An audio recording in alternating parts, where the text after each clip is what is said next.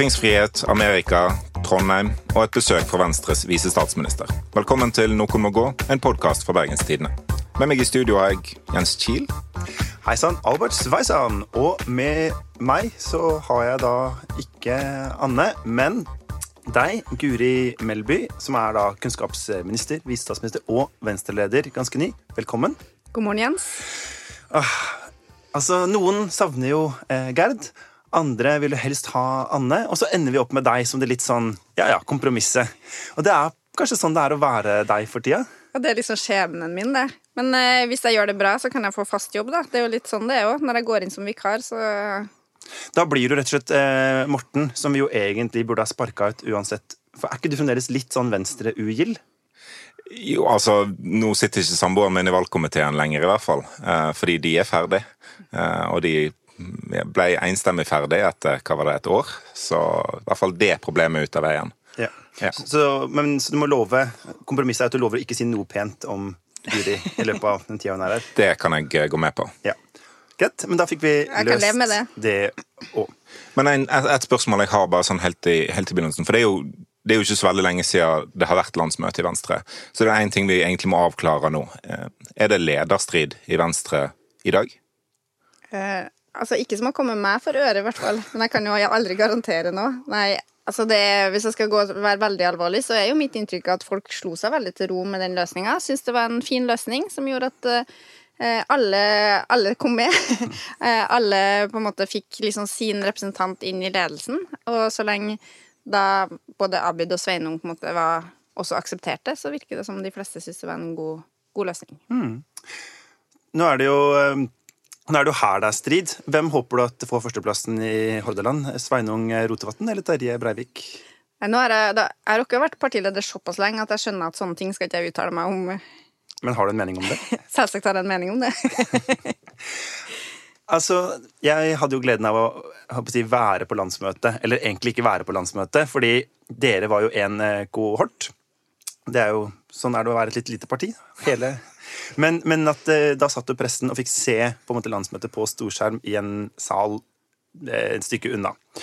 Um, men det var ganske god stemning, og min teori er fordi at dere ikke skulle ta opp sånne vanskelige spørsmål i hverdagen. Altså sånn der, eh, Burde vi satse mer på jordbruksstøtte, eller burde vi prioritere bybane? Men kunne diskutere sånne ting som venstrefolk elsker. Sånn der, synet på monarkiet, eller aktiv dødshjelp, eller Europa. Altså sånne, sånne ting som ingen kommer til å tenke på når de skal levere stemmeseddelen sin. Stemmer det? Altså, Jeg tror jo veldig mange venstrefolk er glad i å diskutere prinsipielle saker. da. Og det er jo det som kanskje ble litt sånn rart, for vi skulle jo da diskutere prinsipprogram. Det gjør vi kanskje sånn hvert tiende-femtende år. Jeg mener det er viktig for et parti å gå gjennom sånn, ok, hva er våre grunnstandpunkt på en del ting som kanskje ikke er de mest aktuelle sakene, men som likevel betyr noe. da. Eh, Og så skulle vi egentlig gjort det da i et typisk mellomvalgsår, ikke sant? på våren nå når det var litt sånn lenge til neste valg og sånn. Men så ble det jo i høst i stedet, og kanskje virka litt sånn rarere at vi gjorde det akkurat da. Eh, Men jeg tror nok det var venstrefolk i godhjørnet, ja, når man får lov å snakke om sånne ting. Men vi hadde jo også diskusjon om andre saker. Altså, Vi hadde jo uttalelser om skolepolitikk, om fritt skolevalg og om klimapolitikk og sånn, så det var jo ikke bare prinsipper heller. Vi hadde jo masse praktisk politikk òg. Men jeg må jo bare si jeg hadde litt medfølelse med journalistene, altså. Eh, Det å sitte i en sånn eh, bunkers uten vindu, liksom, og da ikke få lov å snakke med politikere engang, men bare se oss på storskjerm. Jeg skjønner at det var tøft. Dere fikk jo til og med en sånn festivaldo, var ikke riktig? Det sto en sånn der, eh, campingvogn Nei. bak eh, hotellet hvor vi kunne gå på dass. Fordi av smittevernhensyn så var det beste at vi ble sendt et sted hvor det ikke var eh, varmt vann til å vaske hendene i. um, Helt fantastisk. eh, ja. så Men det, var hadde jo jeg et gleden av. godt eksempel på et arrangement som ble gjennomført da, med nesten 200 deltakere uten en eneste smitta. Ingen som har blitt i karantene eller noe sånt i ettertid. Men det er kanskje bare fordi venstrefolk ikke gidder å pule med hverandre? Ja, sånn, eh, Det var et veldig metoo-vennlig møte. Sånn anti-metoo. Anti- Det det riktig. Me- ja. For det er vel det som er å være metoo-vennlig. Ja, ja. Men ingen smitte på landsmøtet. Det er liksom det som er en stor politisk seier i 2020, da. Kanskje? Det er forferdelig trist å tenke på. ja, det er litt trist. Altså, det, jeg må jo, selv om det var Det var jo et eh, artig landsmøte for min del, så klart, å bli valgt til leder. Men jeg har aldri følt meg så snytt for kroppskontakt noensinne. Altså, Man skal jo få en klem når man blir valgt som leder, skal ikke man det? Fikk du ingen Nei, jeg fikk jo ingen klemmer! Det var jo ikke lov. Vi må ha to meters avstand. Du, altså, pressefolk hadde det kjipt. Altså, Vi som var statsråder, vi måtte være med to meters avstand til alle hele tida. Andre fikk lov å ha én meter. Så når vi hadde sånn middag på kvelden, og sånn, så satt vi på sånn langbord. Ingen kunne høre hverandre. Vi satt og ropa over bordet. Hei, hei, Svein Unge! Har du det artig der nede i hjørnet? Ja, Og så gikk du jo da rett og slett av som leder for eh, programkomiteen. Fordi eh, det ikke kan være lederen som gjør det, eller et eller annet sånt noe. Men så hadde det jo på en måte Det var jo ikke så veldig mye som gjensto, tror jeg. Og nå har dere et første forslag til program. Er det noen saker der som du tenker at kan ta dere over sperregrensa? Ja, det er det jo definitivt. Altså, jeg mente at det var riktig å gå av som leder fordi at altså, En viktig rolle for en programkomitéleder er å løfte en del tema til debatt da, i partiet som vi trenger å fornye oss på eller trenger å avklare, og som vi kanskje ikke helt vet utfallet av. Og hvis jeg hadde stått der nå og fronta veldig skarpt en del standpunkter, om det er på skattepolitikk eller oljepolitikk eller klima eller sånn, og så hadde vi tapt, og så er det likevel jeg som skal slåss for det i valgkampen i partilederdebatter, så tenkte jeg at det var litt rart, da. En partileder legger fort veldig sterke føringer på hva partiet skal mene. Og jeg mener at på en del ting så trenger vi en åpen debatt. F.eks. om skattepolitikken. Hva er det som sørger for at vi både skaper arbeidsplasser, men samtidig har omfordeling, og samtidig kutter utslipp? Det tenker jeg at Venstre trenger å ha en god debatt om, og jeg har ikke lyst til å legge altfor sterke føringer i den debatten, for jeg vil gjerne at hele Venstre skal engasjere seg. Og da mente jeg at det var bedre at Sveinung da kunne gjøre den jobben. Men det er klart, han eh, fikk jo lov å sette navnet sitt på et produkt som jeg syns var bra, da, som jeg jobba masse med. Føler du deg usynliggjort som kvinne av Sveinung Rotevatn? Ja, men jeg tenker det var jo et greit plaster på såret siden jeg fikk bli leder, da. Ja, Det er kompromisset. Ja. Men hva er sakene du tenker at kan ta dere opp? Eh, Jeg tror- For altså- dere trenger jo altså, Innimellom så tenker jeg jo at eh, Venstre er litt sånn partiet for problemer som ikke fins. Altså sånn type Skal vi ha eh, republikk eller monarki i Norge? Eh, og de gangene dere lykkes, så er det jo fordi at dere er på med noe som folk brenner litt for. Ja, men du, jeg er helt enig med deg. Altså, jeg har jo da stilt til valg i Oslo noen gang, der Venstre har gjort ganske gode valg. Der vi har fått opp i 8-9 og hatt makt og innflytelse. Og jeg tror at grunnen til at vi har gjort det bra der, er for at Venstre har vært et parti som har opplevd det som relevant for de store debattene i byen, og for det som folk er opptatt av. Og jeg tror det er det Venstre må bli flinkere til nasjonalt òg. At eh, vi har nok kanskje en tendens til å bli et litt sånn idéparti som er opptatt av prinsipielle saker, uten å greie å vise fram at mange av de sakene har helt praktiske konsekvenser. Vi snakker kanskje om litt sånn kunnskapssamfunnet, i stedet for å snakke om at det handler om at alle barn skal møte en god lærer, uansett hvor du vokser opp hen. Det er det som gir frihet i livet. Så det å greie å dra ned de litt sånn overordna tingene til konkret politikk som betyr noe for hverdagen til folk, det tror jeg er viktig. At klimapolitikk det er ikke noe sånn abstrakt. Altså, det blir fort sånn, og det handler om litt sånn CO2-avgift og sånn som folk ikke helt skjønner. Hva har det der å si for min hverdag? Men det å vise dem at altså, vi har kompromissløst kjempa for elbilpolitikken, som betyr at nå går det faktisk an å kjøpe seg elbil over hele Norge. Og, og ha det som sin måte å komme seg fram på, uansett om du da bor på bygda eller i byen. Det er det som er litt sånn hverdagsnær klimapolitikk. da. Det må vel kalles gjennomslag når Listhaug har gått og kjøpt seg elbil. Ja, da har vi kommet langt. Altså, jeg sa det i en annen, et annet intervju her at eh, altså, da jeg kjøpte meg elbil i 2015, tror jeg, så måtte du fortsatt være litt sånn idealist for å kjøpe elbil. For jeg må bare erkjenne at den der Nissan Leafen min den er ikke like bra som mange andre biler. Jeg hadde sånn tur til Vestland en gang og lada åtte ganger og liksom sto lenge nede i Sogn og Fjordane og saktelada. Så, men nå trenger du ikke å være idealist lenger. Nei, nå trenger du ikke å lade i Sogn og Fjordane, for at dere har lagt ned Sogn og Fjordane. Men eh, altså når en har en så stor sak som, som elbilfordelene, som, som Venstre er blant de som har, har kjempa for eh, det, det koster staten mange milliarder, det er et enormt klimatiltak. Men tjener Venstre noe på det? Har en, har en vunnet noe på et så stort gjennomslag? Altså, jeg tror jo Venstre har stått i mange krevende saker da, for klimaets vegne. Flere avgiftspolitikksaker, f.eks. om det er flyseteavgift eller andre ting. Og det er jo ikke saker som nødvendigvis er så veldig sånn, populære blant folket. Men alle de kampene har jo ført til at vi nå er i en situasjon der vi kutter i klimagassutslipp da, for fjerde år på rad. Eh, Så mitt håp er jo at vi også greier å vise fram de resultatene av noen av de sakene som i seg sjøl kanskje ikke det er så lett å se meninga bak, men som vi nå viser at faktisk har ting å si, da. Mm. Fordelen med å være et lite parti er jo at du trenger bare å ha 4% med deg. Så du trenger ikke egentlig være så veldig populær. Nei, eh, og jeg tror jo kanskje også Venstres dilemma noen gang har vært at vi har syntes det har vært litt ubehagelig hvis vi hadde fått altfor mange mot oss. At det har vært litt sånn hardt. Det er kanskje litt tøft egentlig for et lite parti å sitte i regjering og være med å bestemme ting som får stor innflytelse for folks liv, eh, og få masse kjeft for det. Og så glemmer vi at som du sier, at vi trenger jo ikke å ha liksom 50% av Norges befolkning med oss. Eh, gjerne litt mer enn fire, da, men eh, ja. vi, altså, Venstre har jo ikke noe mål om å bli et sånt bredt folkeparti. Vi har et mål om å være større enn det vi er nå. Et litt smalt folkeparti. ja, men jeg, jeg, ønsker jo at vi fortsatt skal bevare den idealismen som jeg mener fortsatt ligger i Venstre. da, Som jeg mener at mange av de mindre partiene i Norge har.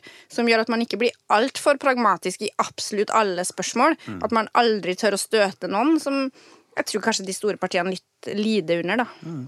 Det er jo, Hvis du ser de siste 50 åra under ett, da, så har det vært øyeblikk for hvor KrF har blitt kjempestore, SV har blitt kjempestore, Senterpartiet har hatt, og har nå igjen, en sånn megabølge.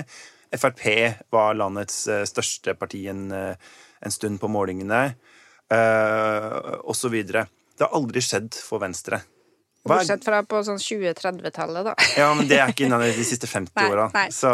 Eh, hva, hva, er grunnen til at uansett hva som skjer ute i verden, så, det, så blir det aldri eh, entusiasme i folket for Venstre? Jeg, jeg har jo tro på at det kan bli det, da. Eh, og kanskje vår tid er nå.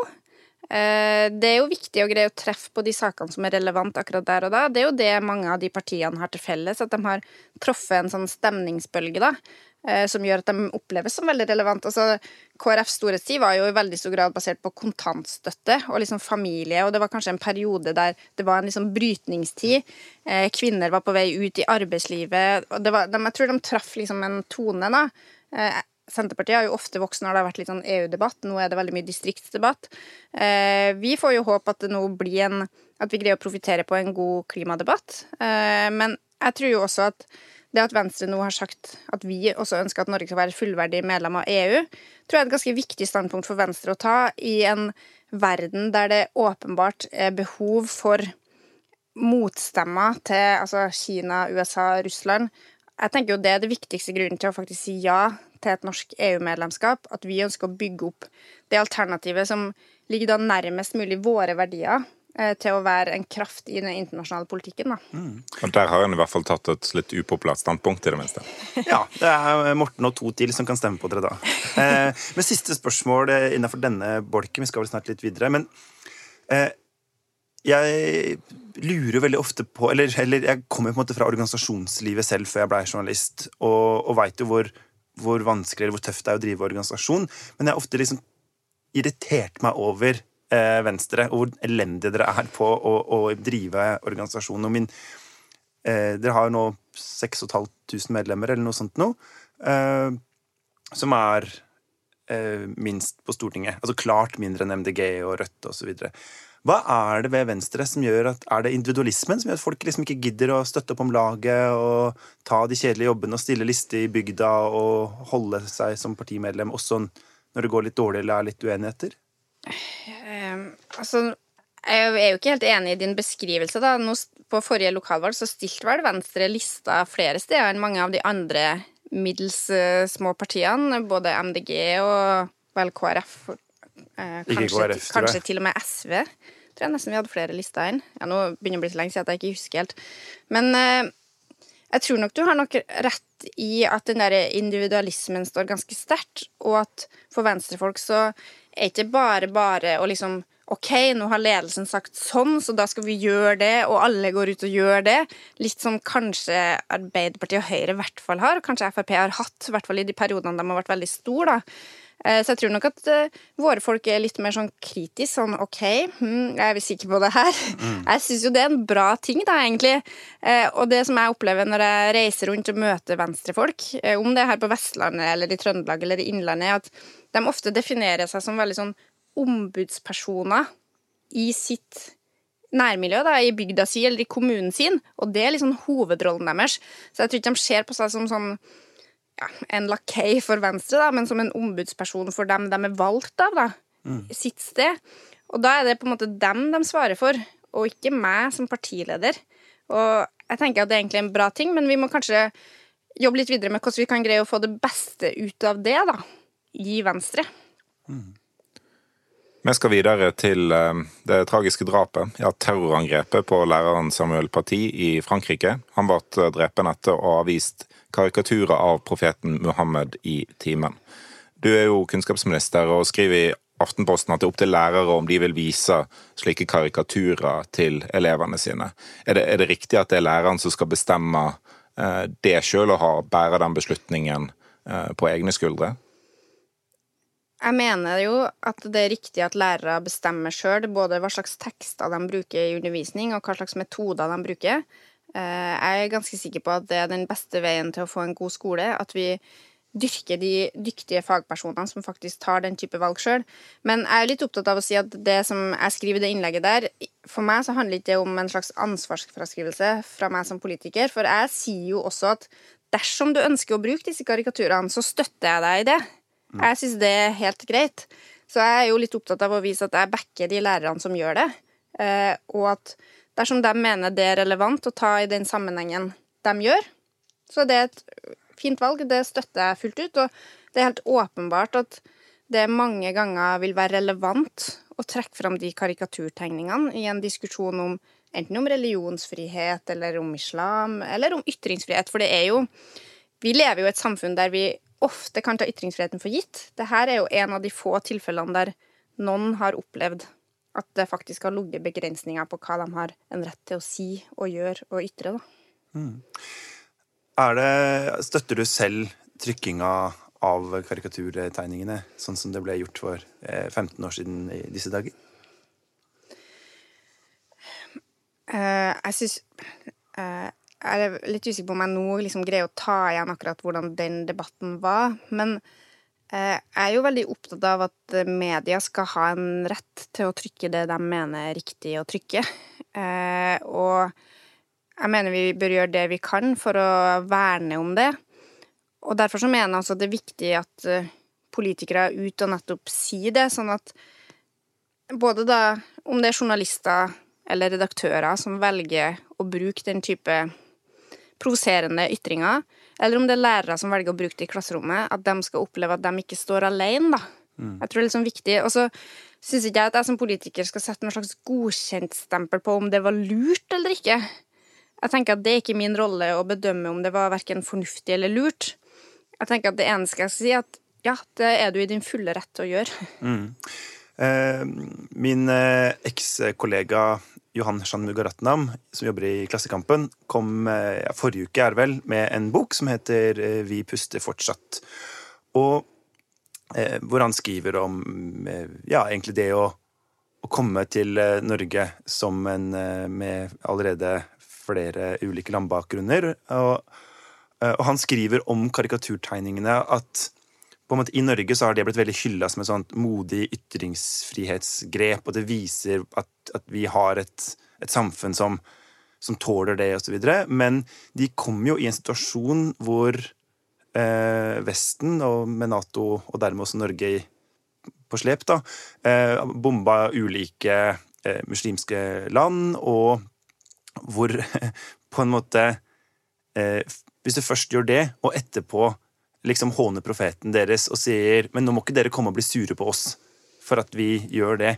Altså at Han mener at, at den eh, debatten har vært litt kontekstløs i Norge eh, for at man ikke tar inn over seg alvoret i hva Vesten egentlig har gjort. da. Hva tenker du om et sånt type eh, resonnement? At det blir for enkelt å liksom bare si det var supert det Selbekk og andre gjorde ved å, å, å trykke karikaturtegningene?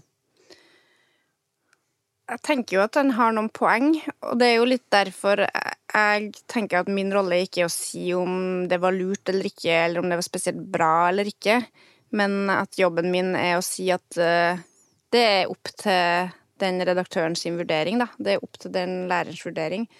Og at lovverket i Norge sier at det er lov, uh, og at det skal være lov.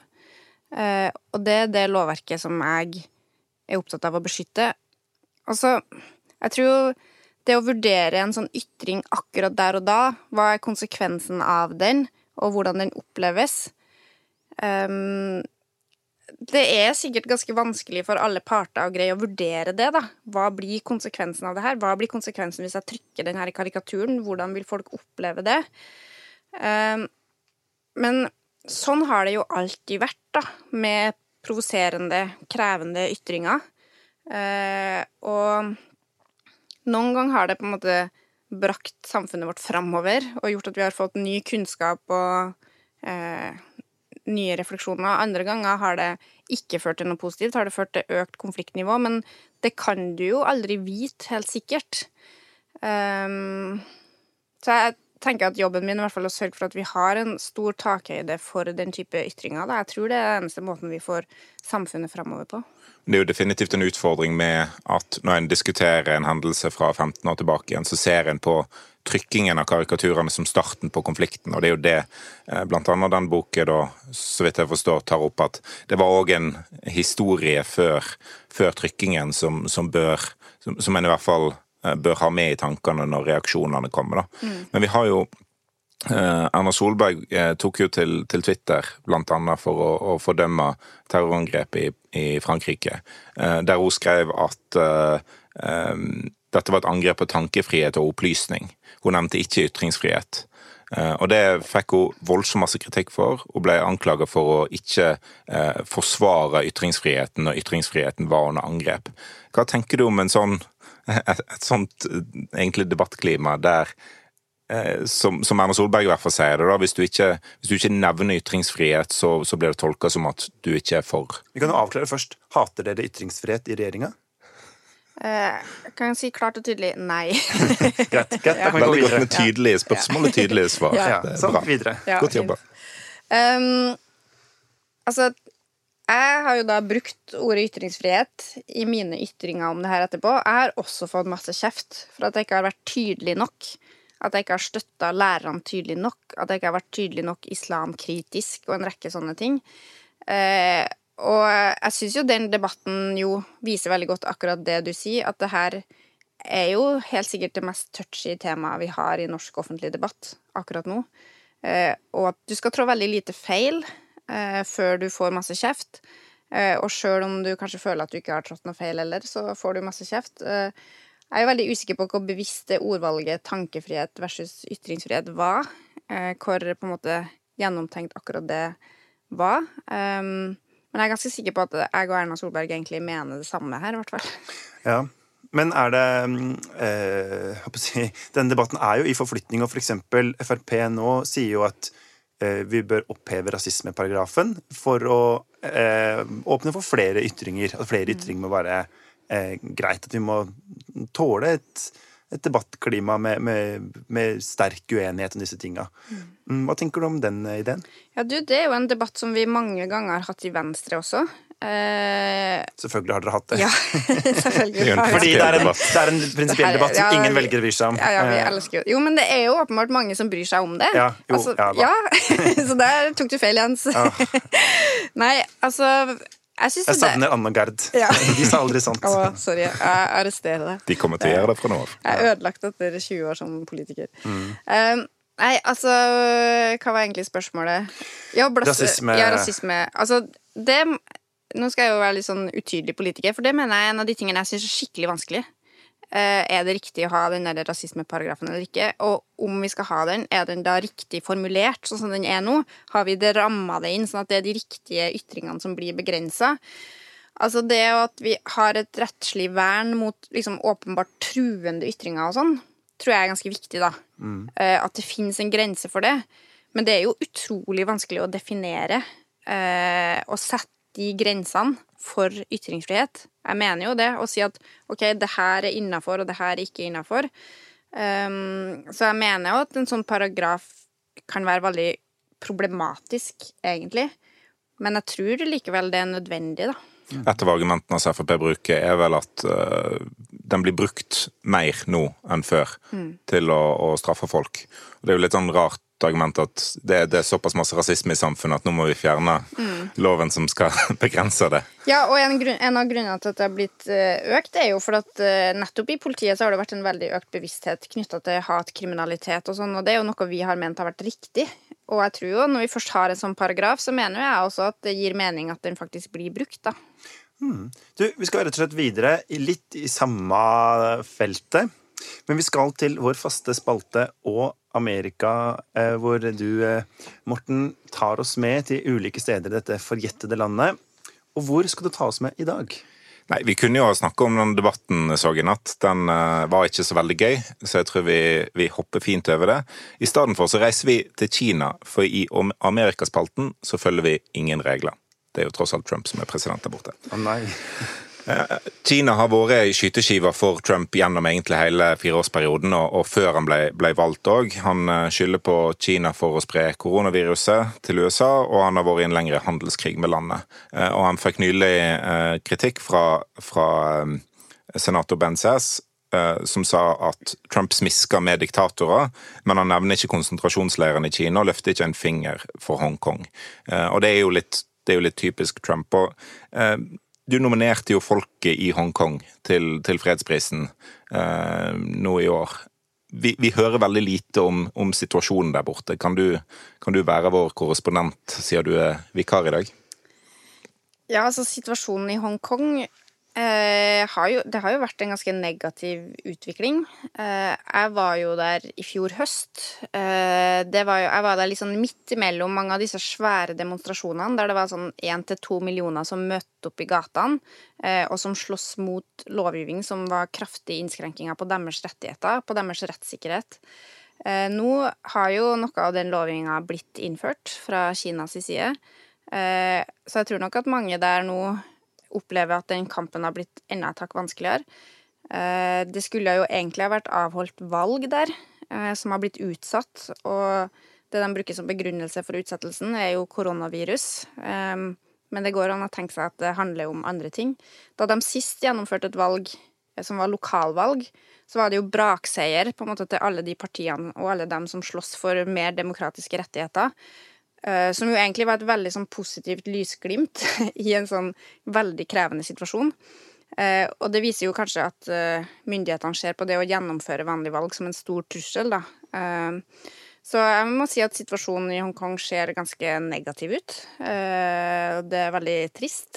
Og nå blir demonstranter de blir deportert til fastlandskina mm. og, og møter rettsvesenet det var jo det det som var på en måte det viktigste de sloss imot. Eh, de har jo ikke hatt en utleveringsavtale med Kina før. Eh, og rettsvesenet var på en måte liksom det eneste trygge de hadde. De visste at ok, selv om de ble hanka inn av politiet på dårlig grunnlag, så ble du stort sett fair behandla i retten. Og hvis du ikke lenger opplever det, og hvis du opplever at du da kan bli sendt til Kina, så er det klart at da har du ikke lenger noe rettssikkerhet. Eh, og da har du egentlig ikke noe grunnlag for et eh, demokrati og for ytringsfrihet lenger heller. Mm. Du har jo tidligere stått utafor Stortinget i gul Amnesty-T-skjorte med, med, 'frihet' på kinesisk på. Er det mer begrensninger på hva du kan gjøre i denne debatten nå som du er statsråd og partileder? Altså, sånn som det er i regjering, da, så er det jo litt sånn at uh, vi statsråder skal være forsiktige med å uttale oss på andre statsråder sitt område. Uh, og jeg er jo da ikke utenriksminister, jeg er kunnskaps- og integreringsminister, så derfor så sier jeg jo mindre om sånne ting enn det jeg gjorde før. Uh, Men hvis Erna får influensa, så er du statsminister. Det er sant. Da kan du ta en liten runde på deg. ja, da er det jo jeg som bestemmer, da. Så. Ja. Men altså, som partileder så må man selvsagt ha frihet til å uttale seg om alle politikkområder. og Det er ganske viktig. Eh, og jeg snakka jo om Hongkong i min landsmøtetale, eh, så jeg har jo full mulighet til å gjøre det.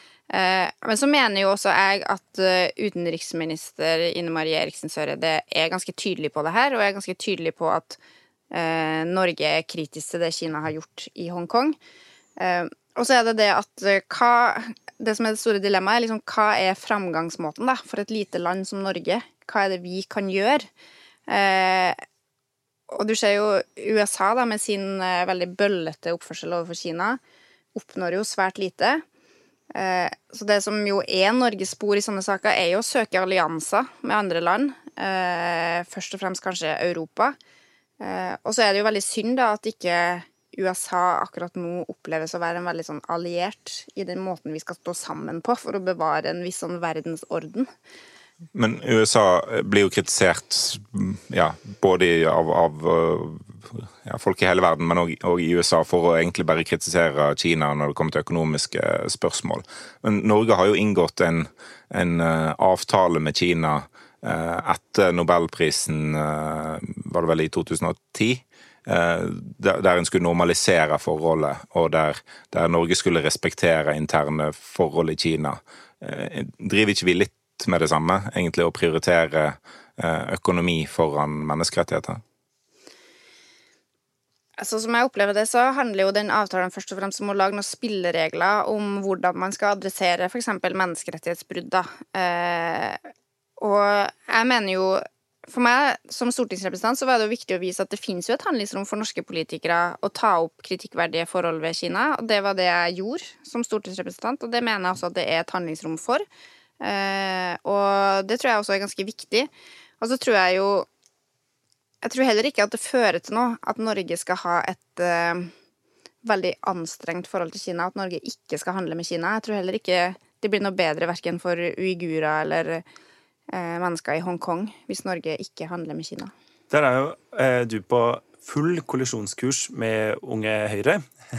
Sikkert i en del andre spørsmål òg, får vi, får vi si håpet. Eh, for min del. Men, men eh, det, Unge Høyre vet jo ikke på sitt landsmøte at enten så må Norge stille mye hardere krav i det handelssamarbeidet man har med Kina, knytta til eh, ytringsfrihet, menneskerettigheter, uigurers stilling osv. Eller så må man rett og slett vurdere å bare bryte det. Hva tenker du om den tanken?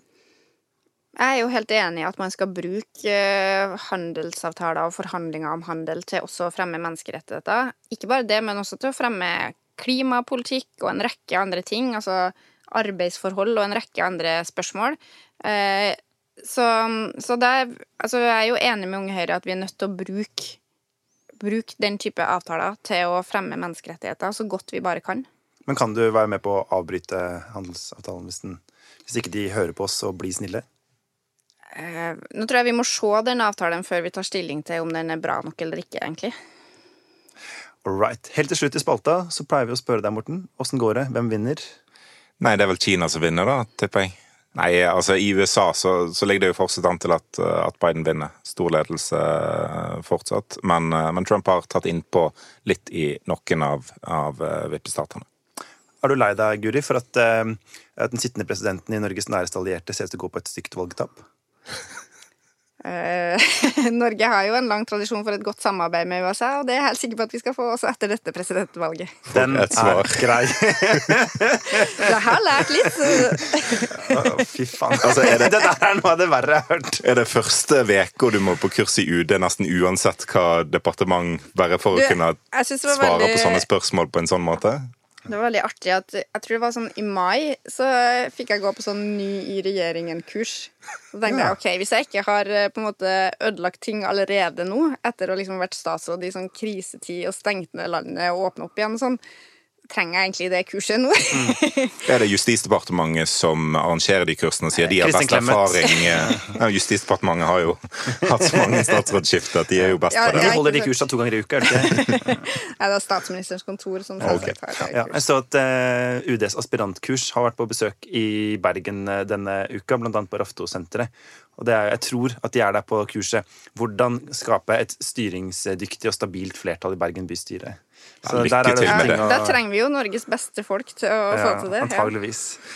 Skal vi videre? Ja, jeg tror det. Jeg tror vi går videre til eh, vår faktiske faste spalte og Vestland. Hvor er du da tenkt til å eh, reise i dag, Jens? Å, herregud, for en spalte. Eh, du, jeg tenkte at vi rett og slett må ta opp et fenomen som jeg eh, er litt nysgjerrig på, nemlig dette forholdet mellom Bergen og Trøndelag. Fordi tradisjonelt har jo liksom den eh, Bergen-Trondheim-aksen vært en viktig konfliktlinje i jeg vil si, norsk eh, kulturliv, politisk liv osv. Altså, Bergen eh, stjal jo hovedstaden på et tidspunkt, og ja Nå har de stjålet de, de, flinkeste folka fra eh, Rosenborg, uten at det setter inn noe sånt Tid Tida får vise seg om hvem som kom best ut av ja. den. Men uh, Guri, hvordan ser du egentlig på Bergen som trønder? Altså uh, Vær helt ærlig. Litt mer ærlig enn um, jeg, skal, Trump. jeg skal prøve å være uh, ærlig. Um, men altså, i min oppvekst da, i Trøndelag uh, Jeg er jo født i 1981 og vokste opp i Orkdalen, og jeg bodde jo i Trøndelag helt fram til 2011.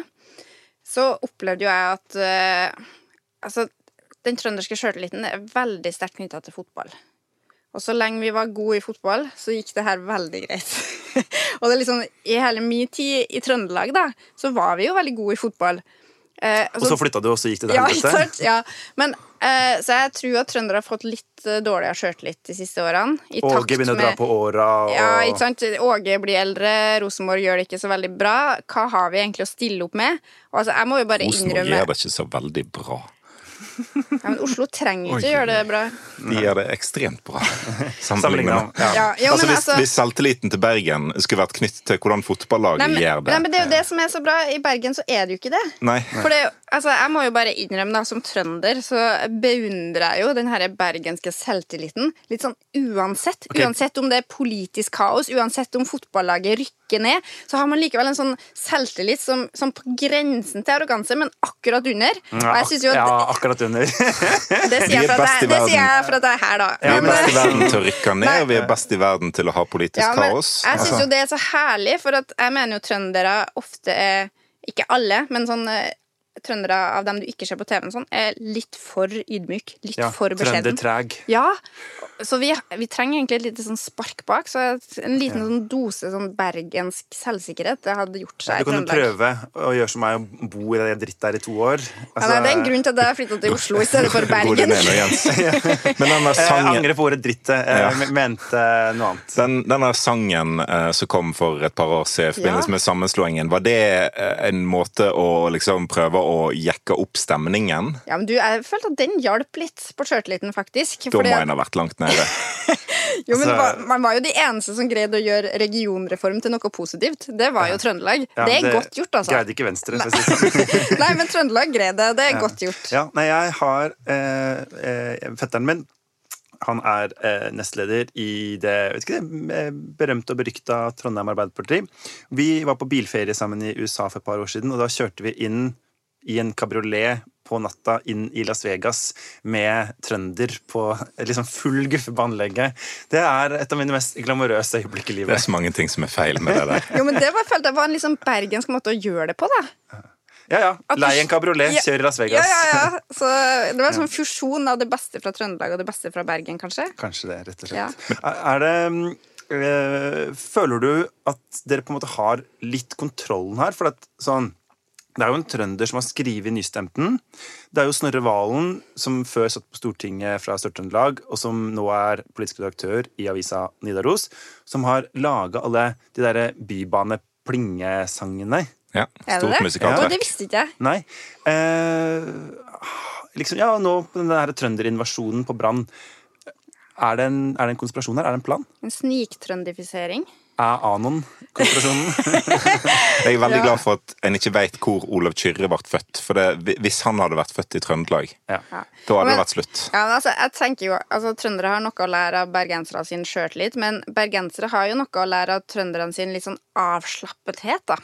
For det opplever jeg at bergensere er litt mer sånn De ønsker å være hovedstad, selv om de ikke er det. De ønsker liksom å være størst, selv om de ikke er det. Kanskje litt fordi man er nest størst og liksom nærmest.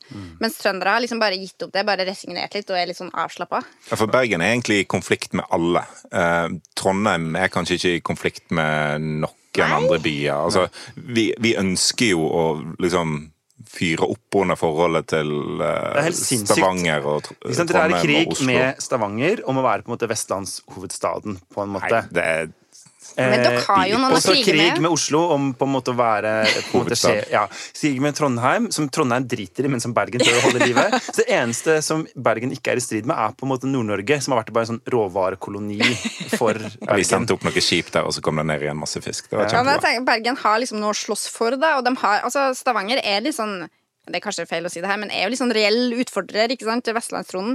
Steinkjer er ikke noe utfordrer til Trondheim. Det, så det går an å slappe av og lene seg litt tilbake. Ja, for det er jo sånn, jeg, Min familie er fra Namdalen.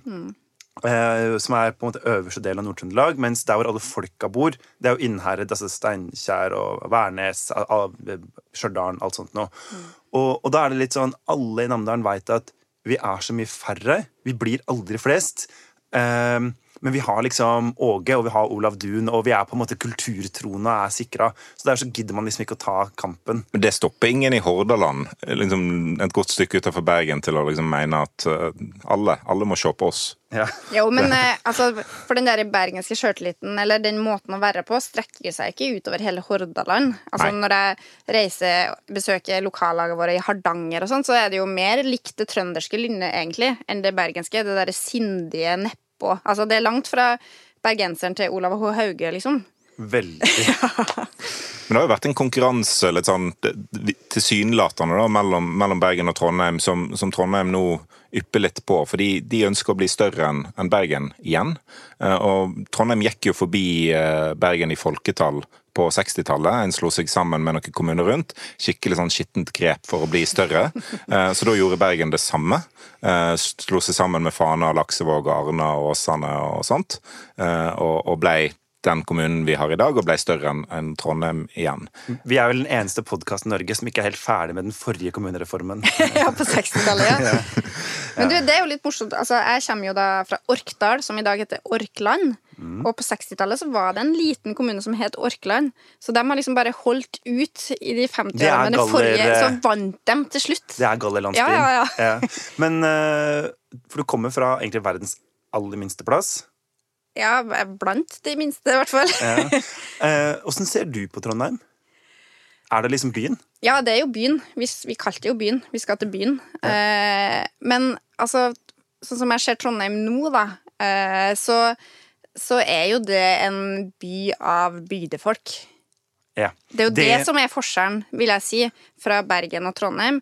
Ja, Trondheim er liksom invadert av folk fra omlandet rundt omkring. Fra trøndere fra bygda. Mm. Mens Bergen har jo liksom det derre borgerskapet sitt. Og sånn. Men Det er jo det er jo det som er situasjonen i Bergen òg. Det er bare at bergenserne ikke veit det. Altså, Ja. Folk fra Fana vet ikke nødvendigvis at de egentlig kommer fra en nynorskkommune, en bygdekommune, men de tror at de bor i en eh, by, og har alltid bodd i en by.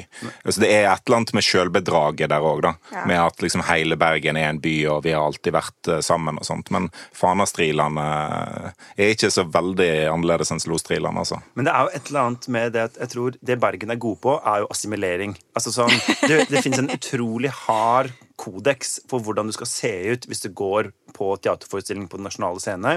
Men sånn, hvis jeg er på fylla i Trondheim, så er det sånn eh, for det er den beste byen å være på fylla i. Ja, helt fantastisk. Men det er jo sånn Det uh, går på solsida, sol, Solsiden, som det heter der. Ja, så det er det jo bare sånne uh, Du hører at folk snakker brei trøndersk, og at alle damene har sånne eh, Sånne gøyale olabukser med sånne liksom perler på sida, eller litt sånn artige dusker, eller Nå er det masse sånn. gestikulering i studio. for Ja, liksom, og, og gutta har sånn, sånne liksom eh, olabukser som Mm. ingen byfolk kjøper, men som det sikkert går på altså, Amfi Steinkjer selger bare 100 000 i året. Det er jo en sånn rockeby. Altså, jeg, altså, den outfiten jeg gikk med da jeg bodde der, det var jo litt sånn svartlevis og Converse. Det er Ja. jo litt sånn Sånn går du på byen. Ja. For det, sånn går du jo på en måte ikke på byen her. Det føler eller, Det er fordi det er så vått. ja, det er så sant. Og det er også forskjellen. Altså, Bergen har regn, Trondheim har yr. Og yr blir du egentlig ikke blaut av. Ikke på samme Nei, måte. du liksom... Det er liksom høy luftfuktighet. ja. ja, ja. For det er jo min, eh, min barndom er jo å sitte og se Sitte i Namsos og se ut på liksom yret. ja. Så Er det rart du har blitt som du har blitt? Men jeg, altså, det er også litt morsomt, for jeg tror veldig mange i Trøndelag orienterer seg inn mot byen, da, Trondheim.